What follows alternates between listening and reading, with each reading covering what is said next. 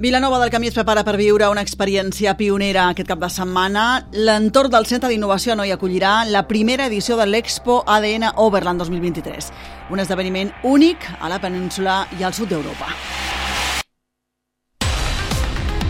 L'Ajuntament s'ha volcat en aquest esdeveniment i ha contribuït en l'àmbit logístic amb la cessió dels terrenys i equipaments per fer possible que la Fira Congrés, així com el circuit off-road i la zona de pernoctació, estiguin en el mateix espai.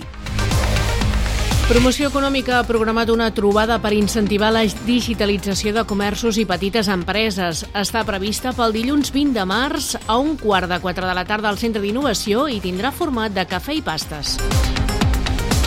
La plaça Vilarrúbia s'obrirà a la població a partir d'aquest dimecres. L'actuació ja està finalitzada i ha permès, entre altres, renovar el mobiliari urbà i la font, a més d'instal·lar un sistema d'enllumenat que permeti recorreguts nocturns més segurs.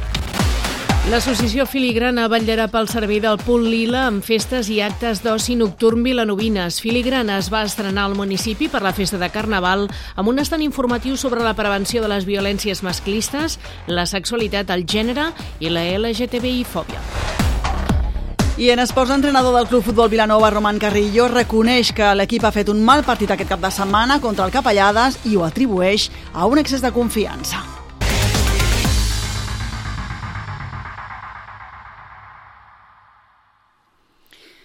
Vilanova del Camí es prepara per viure una experiència pionera aquest cap de setmana.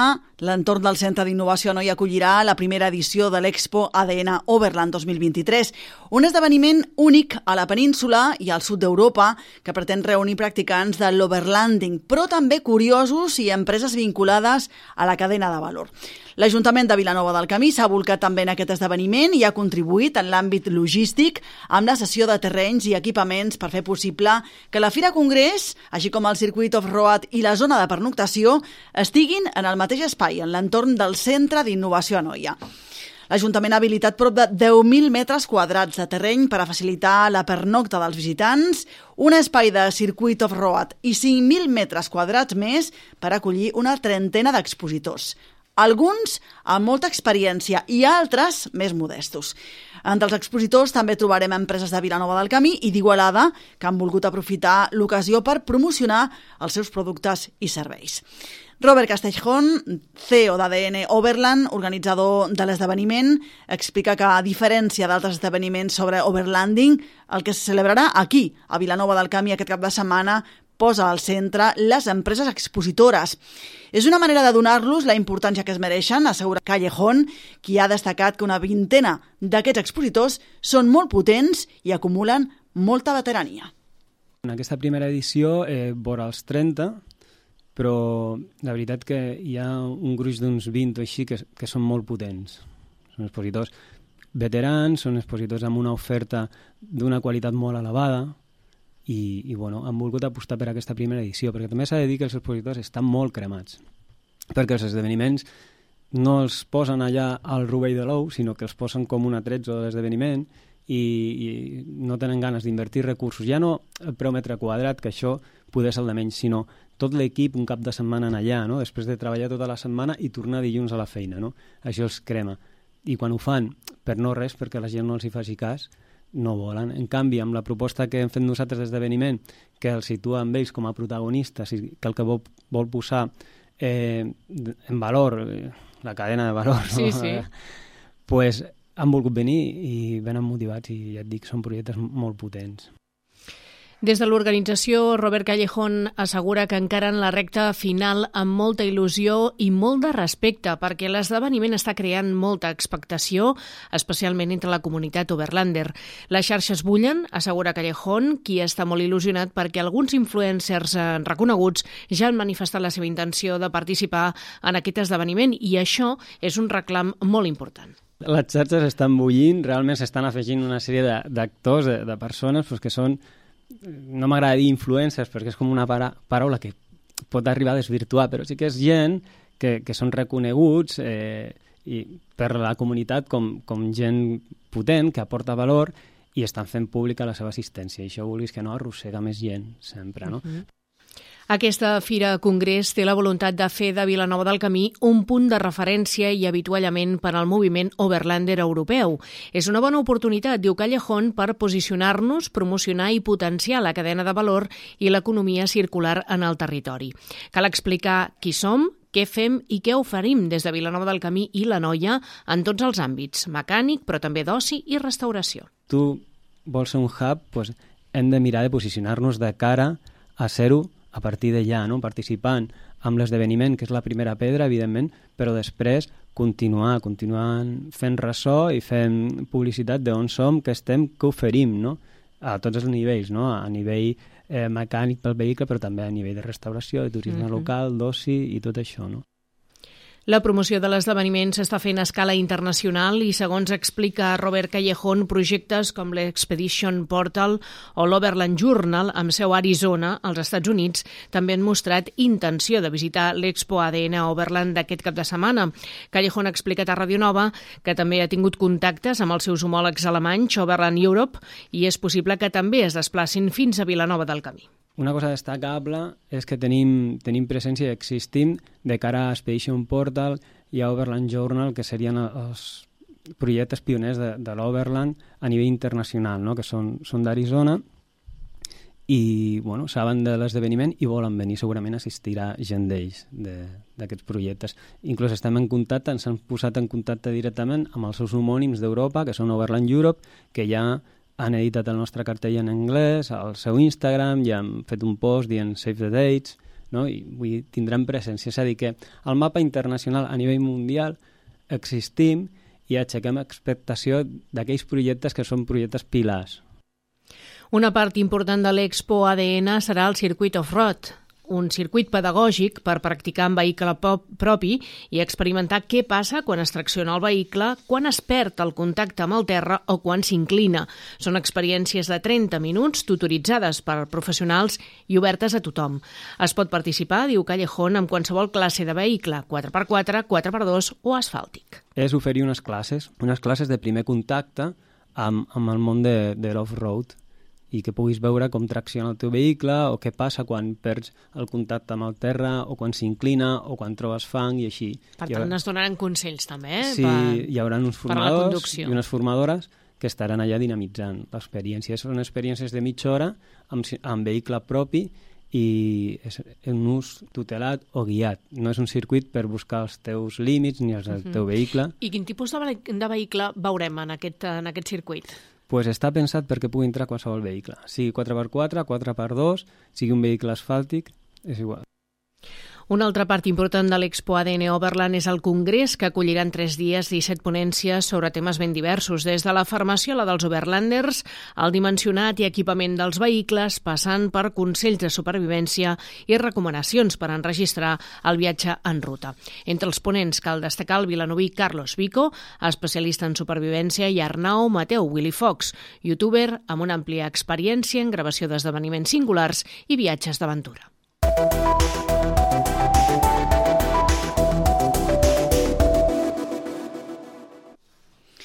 Promoció Econòmica de l'Ajuntament de Vilanova del Camí ha preparat una trobada de comerços, persones emprenedores i petites empreses per a parlar de la digitalització i els reptes que suposa. Volen fer-ho en un espai distès i molt pròxim perquè sigui apte i assequible per a tothom. I per això li han volgut donar el format d'un cafè. Aquesta trobada, com dèiem, en format cafè i pastes, s'ha fixat per al dilluns 20 de març a un quart de quatre de la tarda al Centre d'Innovació a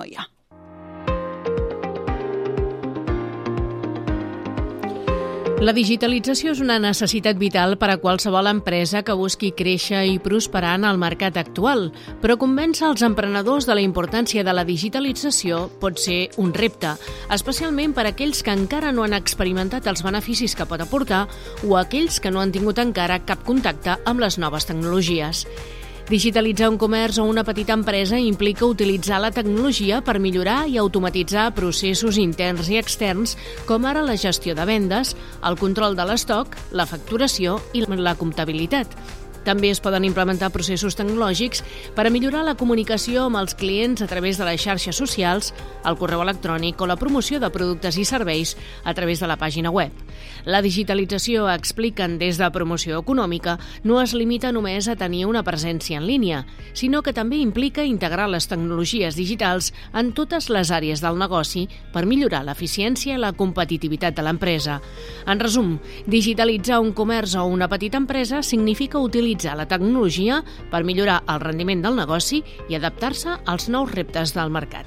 I en aquest sentit, expliquen des de promoció econòmica, és important recordar als emprenedors que no han de fer-ho tot d'una i que la digitalització es pot fer de manera gradual i progressiva. Per participar en aquesta trobada, que és oberta i gratuïta, cal inscriure's al formulari que trobareu al web municipal. També podeu contactar amb promoció econòmica al telèfon 93 805 44 11 extensió 5 o al correu electrònic peconòmica arroba vilanovadelcamí.cat.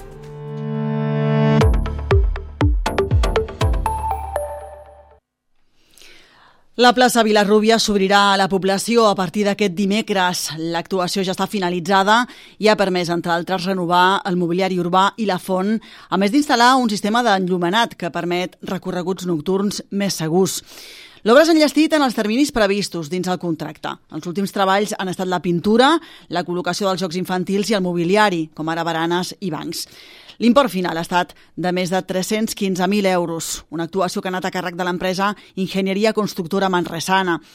El planejament d'aquestes obres va tenir en compte l'opinió dels veïns de la zona que van poder fer les seves aportacions per recollir-les en el projecte de remodelació de la plaça Vilarrúbies.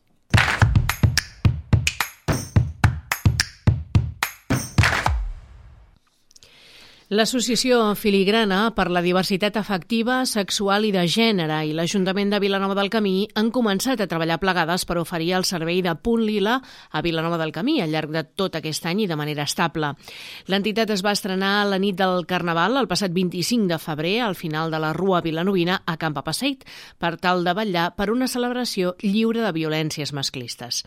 Durant la festa no es va registrar cap incidència i no es va haver d'aplicar cap protocol per abordar cap violència masclista i de caràcter sexual. L'entitat, però, va atendre 75 consultes, algunes en grup, i calculen que van atendre un total de 188 persones a la carpa del Punt Lila, des de les 10 de la nit fins a les 5 de la matinada. El motiu de les consultes va ser molt divers. Al principi de la nit, en un ambient més familiar, van facilitar programació del 8M, com ara els fulletons dels contes amb mirada feminista. També van lliurar informació sobre mètodes anticonceptius i de protecció, així com material relacionat.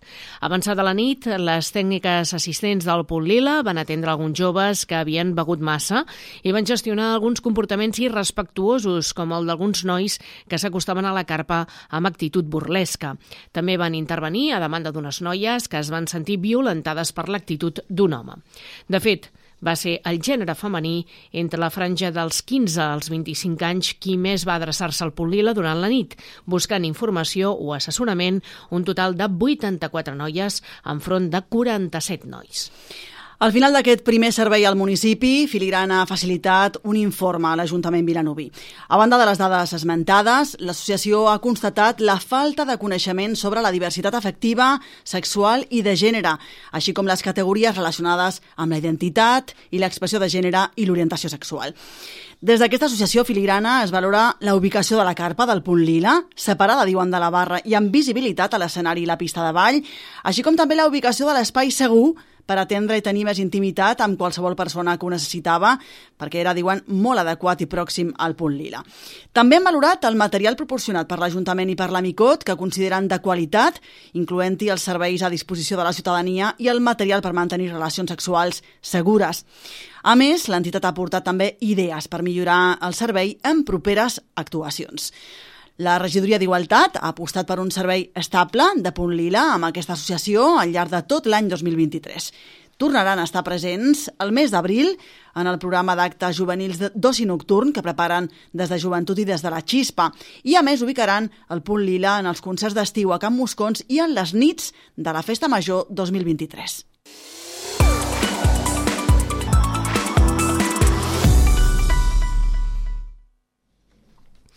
El passat 4 de març es va commemorar el Dia Mundial de l'Obesitat i l'EAPA de Vilanova del Camí ha dedicat a aquest tema un espai temàtic al passadís principal del CAP. S'ofereix informació per conscienciar la població dels efectes perjudicials que l'obesitat produeix en la salut de les persones, així com recomanacions per prevenir-los.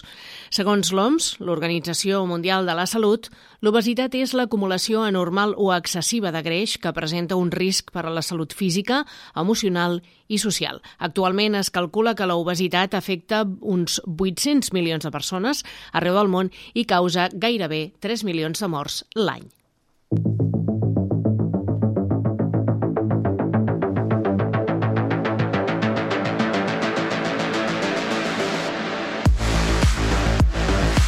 L'entrenador del Club Futbol Vilanova, Roman Carrillo, reconeix que l'equip ha fet un mal partit aquest cap de setmana contra el Capellades i es mostra decebut amb el resultat per un excés, diu, de confiança.